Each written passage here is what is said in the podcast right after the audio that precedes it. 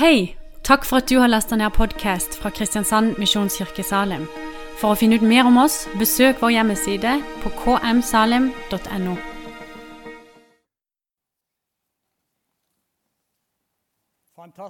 Fantastisk å være her. Det er en sånn eh, tradisjon at jeg sier jeg kommer aldri til salen på sommermøter uten at eh, familien Pettersen synger og spiller. Så det er blitt en sånn eh, Jeg har vært der en eh, sju-åtte ganger nå på rad. Det er ikke helt sant, for det har vært pandemi to ganger. Men har Før pandemien så var vi her fem-seks ganger, og tre- tre-fire av dere var i hvert fall de, av de gangene var iallfall dere med Arvid og co. Så det er um, helt eh, utrolig å høre på dere igjen. Takk skal dere ha. Det er noe helt spesielt. I fjor, siden ikke vi fikk komme til Salem, siden dere lukka der på sommeren, så var vi på, Just, på Justøya og på Dørsteslangen i stedet, så da ble det sommer allikevel. Og nå er vi altså her. Nå har jeg alle muligheter til å ødelegge omtrent alt jeg har bygd opp gjennom alle disse årene ved å si følgende Jeg tror på ramme alvor, folkens, at vi trenger en ny trosbevegelse i Norge. Jeg sier ikke at vi nå trenger å gå tilbake til en type menigheter som var på 80- og 90-tallet. Jeg har ikke tenkt å kommentere det i det hele tatt. Men jeg har tenkt å si at vi trenger en trosbevegelse i Norge. En bevegelse av troende mennesker som handler i tro og hører Guds ord og handler på Guds ord, og ser at verden, både våre liv og verden omkring oss, blir forandra og forvandla. Vi trenger en ny trosbevegelse av mennesker i alle kirkesamfunn, over alle, overalt, av folk som virkelig sier ja, Herre, på ditt ord går vi, og vi vil se at våre liv blir forvandla, og vi vil se at omgivelsene rundt oss blir forvandla. Vi trenger det desperat i 2022. Det er det som er utgangspunktet mitt. Jeg fikk kanskje ikke noen uvenner allikevel, men det er det jeg tenkte å si noe om denne kvelden her. Vi trenger en ny trosbevegelse. Og Vi skal lese et par setninger eller et par vers om eh, denne troen som eh, Det nye testamentet taler om. Dere kan huske det hvis dere ikke har bibler med, eller vil lese dette når dere kommer hjem. Begge deler står i kapittel 17, først hos Lukas kapittel 17, fra vers 5. Apostlene sa til Herren, gi oss større tro. Herren svarte, om dere hadde tro som et sennepsfrø, kunne dere si til dette morbærtreet, rykk deg opp og slå rot i havet, og det skulle adlyde dere. Fra Matteus 17, fra vers 19. Da disiplene ble alene med Jesus, spurte de ham, hvorfor kunne ikke vi drive den ut? Fordi dere har så lite tro, svarte han. Sannelig, sier dere, om dere har tro som et sennepsfrø, kan dere si til dette fjellet, flytt deg herfra dit, og det skal flytte seg, og ingenting skal være umulig for oss, for dere. Herre, styrk vår tro, øk vår tro, gi oss en ny tro på din kraft og på dine muligheter i våre liv, uansett alder og uansett hvor vi befinner oss. Herren ønsker å tale til oss denne kvelden her om at han skal øke vår tro, og hva det betyr, og hva det ikke betyr. Først noe helt alminnelig. og Nå tror jeg at jeg ikke kommer tilbake til teksten, men det gjør jeg ganske raskt etter hvert. Men et par, et par eh, alminnelige ting i starten, eller si noe helt sånn hverdagslig, og så føre dette inn i det som jeg har tenkt å si. Det er heldigvis sånn i, eh, gjennom uka, gjennom dagene, at det er veldig mange ting går av seg sjøl. Altså I løpet av en dag, i løpet av en uke, så går tingene av seg sjøl. Heldigvis. Hvis vi skulle finne opp alt eller finne ut av allting på nytt og på nytt, og på nytt, så ville livet vårt bli helt håpløst. Men det er en del ting heldigvis da som går av seg sjøl. Men det jeg tenkte å starte med å si i kveld, det er dette her. At det er noe som går av seg sjøl, men som ender galt. Det er greit med alt det som går av seg sjøl, er gode rutiner, er gode vaner. Men det er også en del ting som går av seg sjøl, og så ender det helt feil og blir helt galt. Et par eksempler. De fleste samlivsfamilieterapeuter vil si at ethvert ekteskap er egentlig på vei mot skilsmisse. Det var livslige tanker som kom i starten av møtet. Men enhver samlivsterapeut vil si at de fleste ekteskap er på vei mot skilsmisse. Hvis en ikke investerer, hvis en ikke arbeider for for ekteskapet, hvis ikke gir det tid, hvis ikke gir det rom, hvis ikke opphører den andre og gjør den andre god, så er ethvert ekteskap uansett på vei mot skilsmisse. Det går helt av seg sjøl. Derfor sier jo samlivsterapeuten igjen og igjen at det er viktig å arbeide, det er viktig å investere, det er viktig å gjøre hva man kan for samlivet og fellesskapet. Hvis ikke så ender det galt. Det går bare av seg sjøl hvis en ikke investerer, hvis en ikke gjør noe, hvis en ikke tar tak i tingene. Et lite eksempel. Det ser dere på meg. Jeg har aldri vært høy og mørk og slank. Det er helt greit, det er en åpen, helt åpen bekjennelse, selv om jeg står her foran nå. Jeg har aldri vært høy og mørk og slank. Men eh, om det er mulig, så var jeg for en eh, seks-syv-åtte år siden så var jeg 10-15 kilo, eller iallfall 10 kilo tyngre og større enn det jeg er nå. Da tok eh, min kone sykepleieren og min sønn fysioterapeuten Da slo de seg sammen og lagde en allianse. Og de hadde nok øvd seg, de hadde nok hatt flere gruppemøter sammen. For En dag så henvendte de seg til oss, og da kom de tydelig og klart med følgende budskap pappa eller Jens Petter, hvis du ikke nå slanker deg med den sykdomshistorien som du har hatt, med alle de hjerteinfarktene, med alt det du har vært borti gjennom alle år Hvis du ikke slanker deg nå, og hvis ikke du begynner å trene, og hvis ikke du begynner å legge om livsstilen, så har vi det snart ikke lenger her. De var tydelig og rett på sak. Da svarer jeg som sant var, det har bare gått av seg sjøl. Jeg var, bare blitt tjukkere, jeg var bare blitt mindre trent. Det hadde gått helt av seg sjøl, men det endte, kunne jo endt helt galt. Enhver menighet, ethvert kristen fellesskap, er bare én generasjon fra nedleggelse og lukke dørene og si farvel. Enhver menighet er bare én generasjon fra det. Hva, hva da? Det betyr at hvis ikke menigheten skal lukke dørene og si 'dette er slutt', dette er slutten, hva må vi gjøre da? Da må vi jo satse på de som er neste generasjon. Da må de som er neste generasjon, få tak, ta taket. Da må de få lov til å være med og sette kursen. Da må de få lov til å være med og bestemme. Da må vi sørge for at barn og ungdomsarbeid og unge voksenarbeid og yngre mennesker får lov til å være med og prege dette og bære kursen videre. Det betyr ikke at ikke vi ikke skal få lov til å synge våre sanger, at ikke vi skal få lov til å kjenne oss hjemme i menigheten.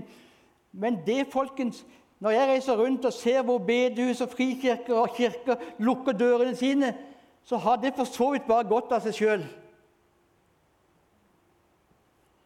Hvis en ikke investerer, og hvis en ikke tenker annerledes, så går det bare av seg sjøl. Nå begynner jeg å nærme meg kveldens tema, men med dette som bakgrunn og bakteppe.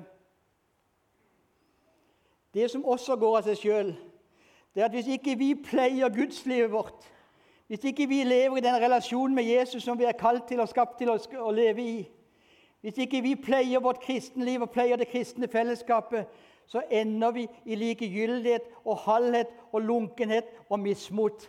Og for veldig mange som jeg snakker med, etter hvert som det nesten begynner å bli for seint, så sier de vi gjorde ikke noe spesielt. Vi falt ikke inn spesiell synd. Det var ikke sånn og sånn. Men det gikk bare av seg sjøl.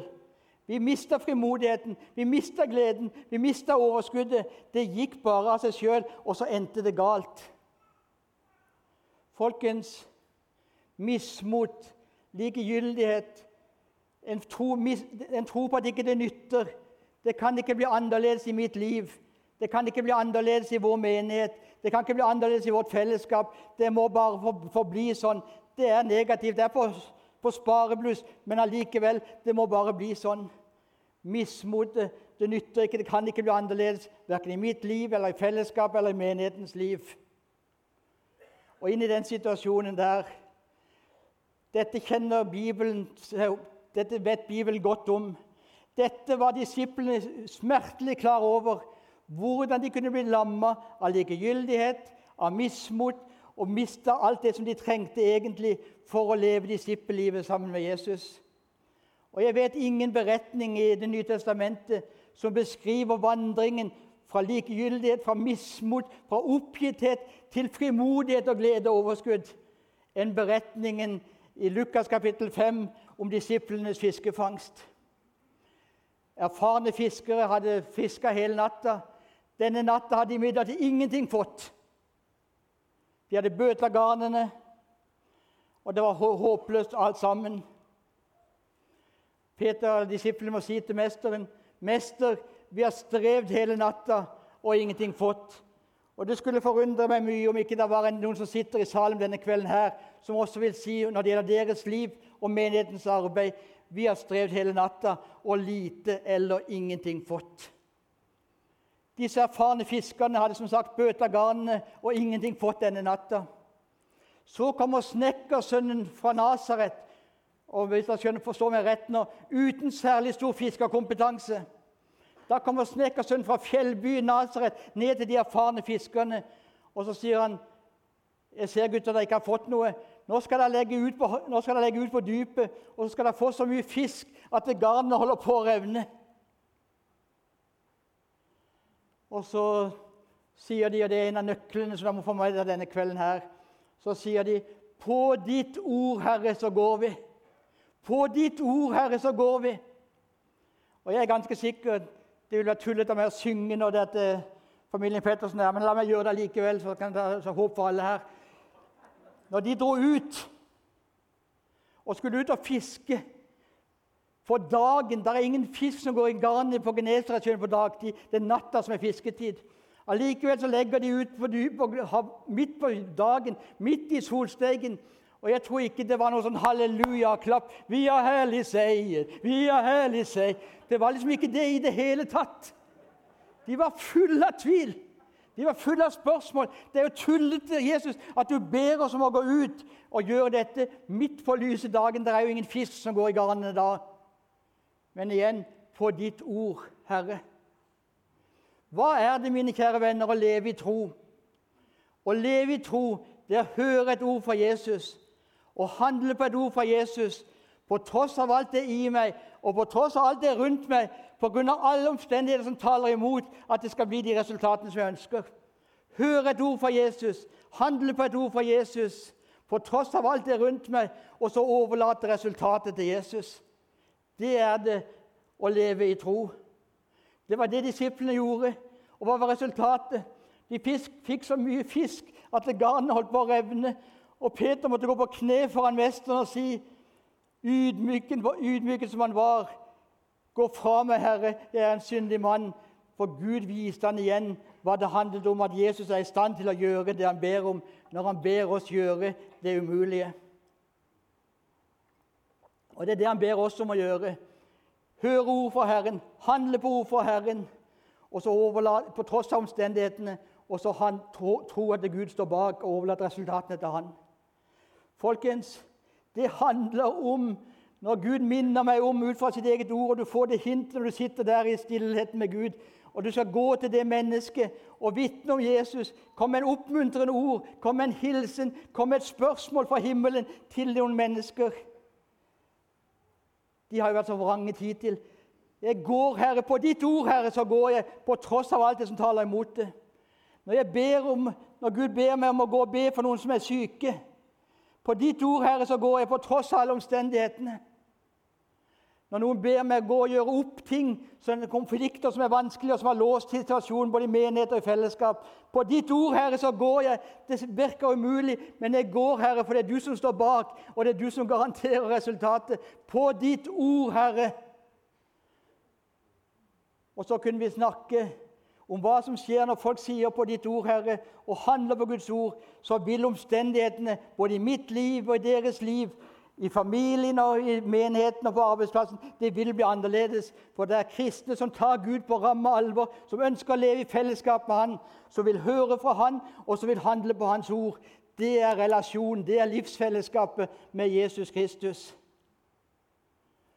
Og så vet jeg at eh, det er for så vidt farlig. Jeg kunne nå fortalt historier om mange trosmenn og -kvinner som har handla i tro, og som har sett hvordan omstendighetene rundt dem gått på, di, på, ditt ord her har de gått og de har handla, og de har sett hva som har skjedd. Jeg kunne fortalt om en hel kveld om dr. Einar Lundby som fikk lov til å høre fra Guds ord og se at omstendighetene rundt ham ble totalt forandra, og folk ble redda også fra den fysiske og fra den åndelige død fordi de handla på Guds ord. Men hvis jeg forteller mer sånne historier, så begynner dere å stemme i, og så kommer Arvid og begynner å spille, og så begynner vi å synge 'Eia var vi der', 'Eia var vi der'. Det er liksom ikke våre liv, dette her. Våre liv handler om hva er ditt og mitt neste skritt? Og Det handler om å få dette fra teorien om at Gud er i stand til, inn i hverdagslivet vårt og inn i omstendighetene våre Gud, på ditt ord handler jeg, på tross av alt det rundt meg og på tross av alt det omkring meg som taler imot at det, det skulle skje. Det er å leve, og det å handle, det å handle i tro. Hvis dere syns jeg er ivrig nå når jeg preker, så er jeg altså blitt en sedat utgave av gamle Jørgensen. Men da jeg var ung Hvis jeg nå står på, da sto jeg virkelig på. Og Da når jeg holdt teltmøter som ny predikant og ny pastor og var midten av 20-åra, holdt teltmøter et sted i Norge Det er det vi sier når vi ikke vil si hvor det var. Jeg holdt teltmøter et sted i Norge. Og Vi hadde noen skikkelig, vi var to unge predikanter som var fulle av begeistring og fulle av tro, og vi sto virkelig på. Og Hvis jeg klarer oss å høre både selv ydmykheten og ironien i dette, her, så vil jeg få med deg et virkelig gode, gode poeng her. Da talte jeg en kveld om, at, om tro som kunne flytte fjell. Jeg talte, en, jeg talte en kveld om at det, hvis dere tar Gud på ordet, sa til forsamlingen, så skal dere se hvordan hele denne, hele denne byen eller stasjonsbyen kan bli forandra i løpet av kort tid. Det er sånn gjestepredikanter kan si når de skal reise dagen eller uka etter allikevel. Da kan vi kaste på litt ekstra. Vi kaste på litt ekstra. Jeg sa det, og møtet var slutt. Jeg sto virkelig på. Og mens jeg står på der, så kommer det fram en mann i midtgangen. Og det er menneskelig talt en av de mest halte mennene jeg noen gang har sett i mitt liv. Han kom sånn Og så ser han meg i øynene, og så sier han, 'Jørgensen, hvis det du har sagt i kveld, er sant, så jeg får tro for å bli helbreda.' Det første jeg tenkte, det var nå må du snart lære å passe kjeften din.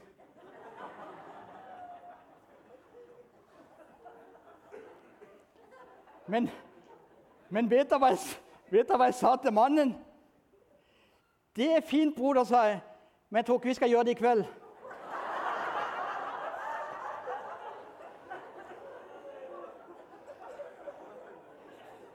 Det ga meg og min kollega litt eh, tid. Så jeg sa hvis du kommer, hvis du kommer tilbake i morgen klokka fem i campingvogna vår, så vil vi gjerne, vil vi gjerne, be, vil vi gjerne be for deg. Og vi var Disse frimodige predikantene var ikke høy i hatten når vi gikk sammen til apoteket den, i den byen og skulle kjøpe en flaske med olje som vi skulle salve mannen med dagen etter. Og mannen kom igjen, enda mer frimodig og enda mer glad og med enda større tro på at han skulle bli helbreda. Og jeg tenkte i min vantro hadde han enda vært i tvil, så hadde det vært håp.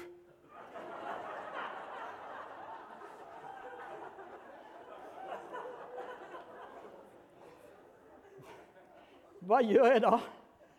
Skjelvende og bevende på ditt ord, Herre, så legger vi denne broderen i dine hender og ber om at hvis det er godt i dine øyne, at du må komme med dine helbredende krefter inn i hans liv og forvandle hans liv. Du vet hvor han lider under dette her, og hvor vanskelig det er for han å oppleve dette her år ut og år inn, og hvor mye smerte det har påført mannen.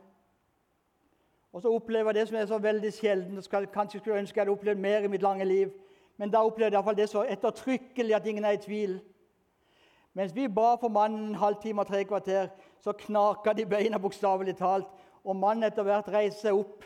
Han trengte mer fysioterapi etter hvert, men han var helbredet Gud ære og Guds lov. Han var frisk. Og det som skjedde med denne mannen, det var Hvorfor gjorde Gud dette? Gud gjorde dette selvfølgelig fordi han er levende interessert i at som tegn på at Guds rike er kommet nær, så ønsker han her og der å demonstrere sin makt og sin, sin makt og sin myndighet og hvem han er og hva han kan gjøre. Det vi skal se fullkomment alle sammen når vi kommer hjem til himmelen, Det får vi forsmak på her. Det er dette som er det Guds rikes nye prinsipp. Her vi en, får vi bare en smakebit av det. Der hjemme skal vi få se at det ikke skal være noe mer verken bein eller sykdom eller alt dette vi nå snakker om. Og så lærte han en ung predikant, litt for ivrig og litt for mye stå på, som kunne det i hodet, at det det handler om, det er å ta det første og det neste skrittet. Og denne mannen som ble så frisk og som ble så glad og som ble så frimodig, han dansa på podiet etter, etter, hvert eneste kveldsmøte resten av den aksjonen i den teltkirka der vi var. Og det var da ingen tradisjon for Indremisjonen på den tida.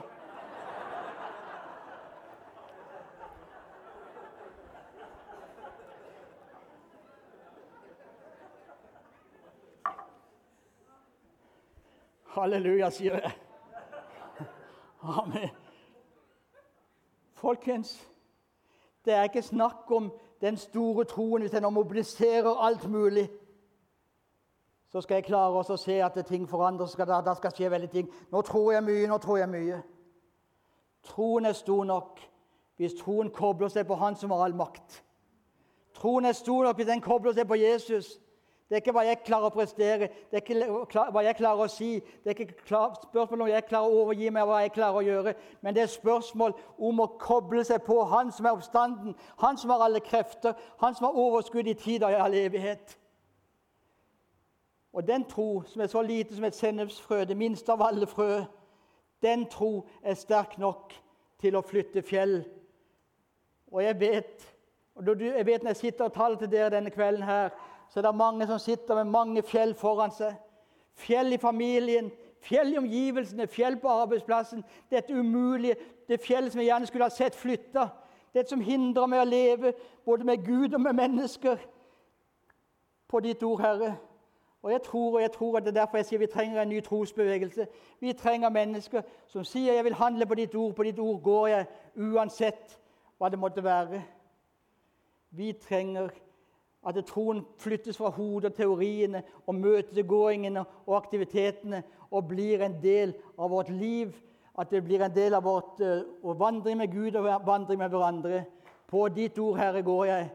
Tro handler om å høre ord fra Herren, handle på ord fra Herren, på tross av alle omstendigheter og alle omgivelser, og så slutt til slutt overlate til Herren, eller Han får bestemme hva som skjer.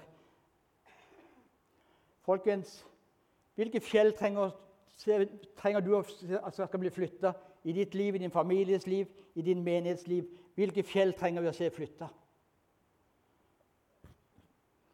Så har jeg talt uh, lenge allerede, men jeg kan ikke gå ned på en kveld hvor jeg taler om tro som flytter fjell, uten å tale med dere om noe som er kanskje enda vanskeligere enn å tale om at troen flytter fjell.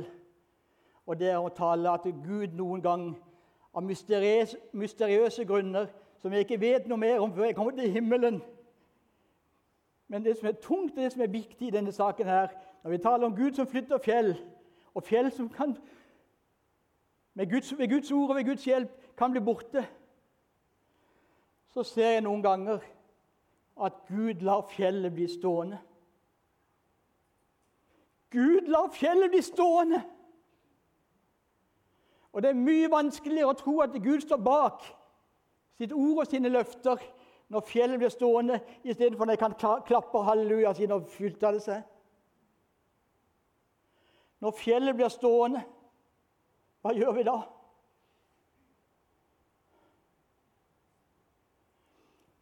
Når barna mine og barnebarna mine ikke blir frelst, men går på helt andre veier enn Guds veier, på tross av at jeg har bedt, på tross av at jeg har investert, på tross av alt de har gjort for å vise dem veien til Jesus, og så velger de å gå helt andre veier.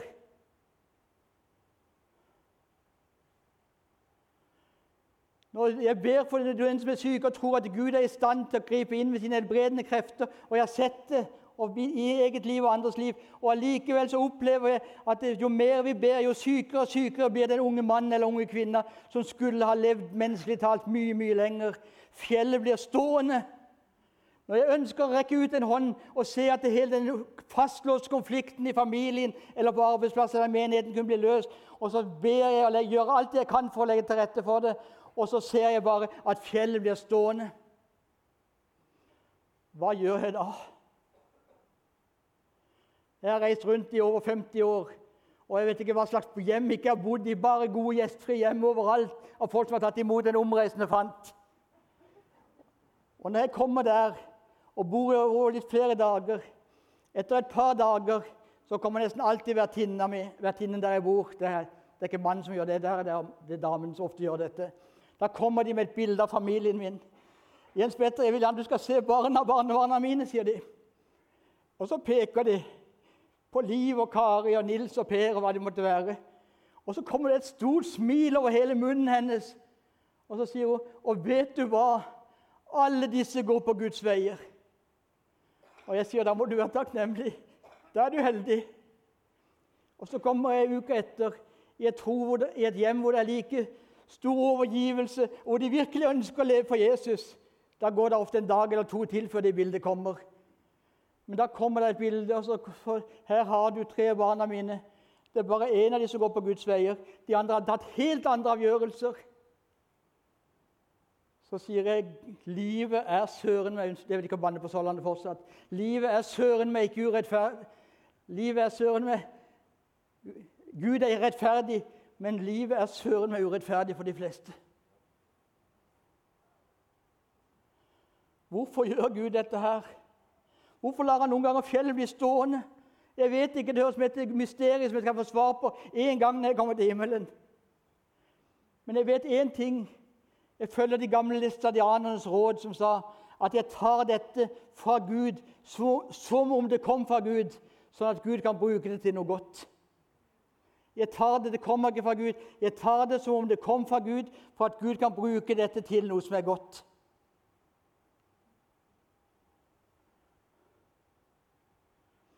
Og så vet jeg én ting.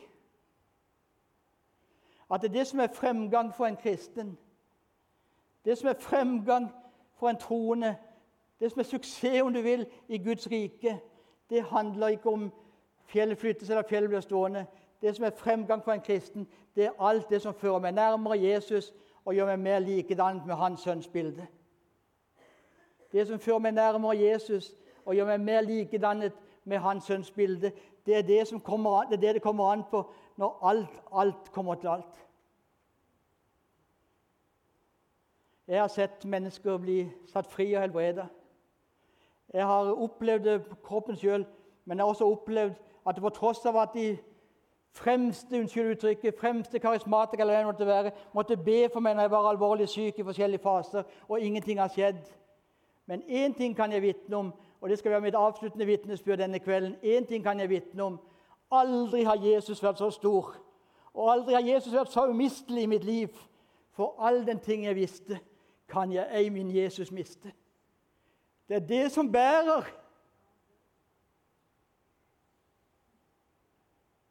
Og det er ikke noe unnskyldning for å bli en trosbevegelse og handle for Guds ord og løfter. Det er ingen unnskyldning for å bli det Gud har kalt oss som menighet til å gjøre. Fortsette hans gjerninger og være hans lege i funksjon. Og jeg tror at Gud denne kvelden her ønsker å flytte noen fjell i våre liv.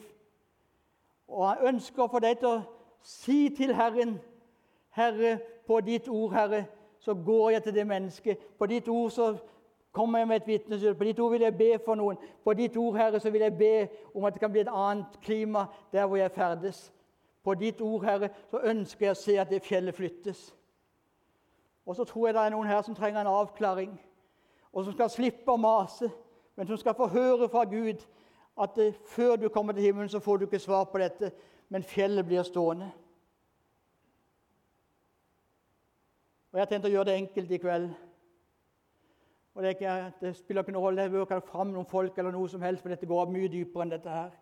Men hvis du trenger, opplever at du trenger på ny å få fornya kristenlivet ditt og kunne si at 'Herre, på ditt ord så går jeg, på ditt ord så handler jeg'. Eller at du trenger en avklaring og si 'Gud, kan du gi meg en avklaring?' 'Nå har jeg bedt og jeg bedt og jeg har gått og jeg har gått, men fjellet er like fullt blitt stående.' Hva er det du trenger? Trenger du å se at fjellet blir flytta, eller trenger du en avklaring? Å vite dette, at det ingenting kan rive deg ut av Guds kjærlighet. Fjellet flytta eller fjellet stående.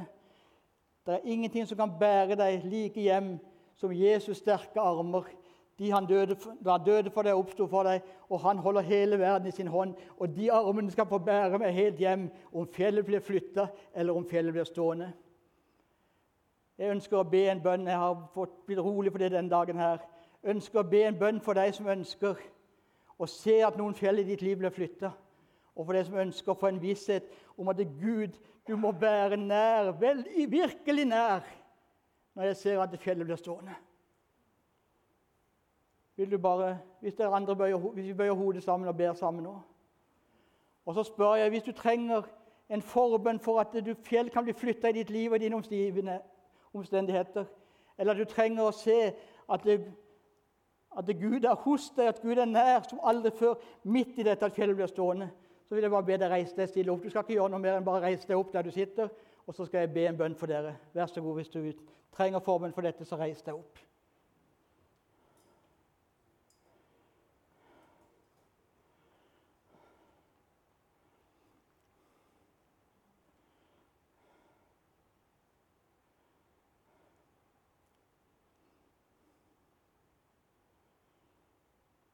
Herre Jesus, vi kommer til deg som disiplene kom i en dag og sa, 'Herre, øk vår tro'.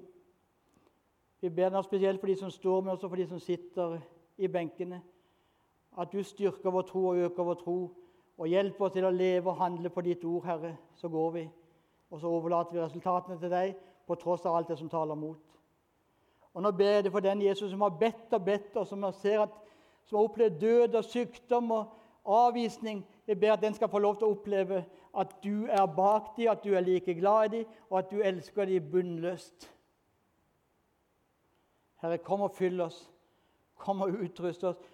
Kom og gi oss, gjør oss til trosmennesker og en trosbevegelse, slik at, det, at vi kan få lov til å opphøye deg, at du blir stor, og at menneskene rundt oss får oppleve noe av din herlighet. Kom, Herre Jesus. Lovet være du, og alt folket sa. Vær så god, sitt. Da er jeg ferdig. Da er det vel dere, Arvid, igjen. Og Hildur spurte meg hva slags sang vil du etter talen, så sa jeg det bekymrer meg ingenting.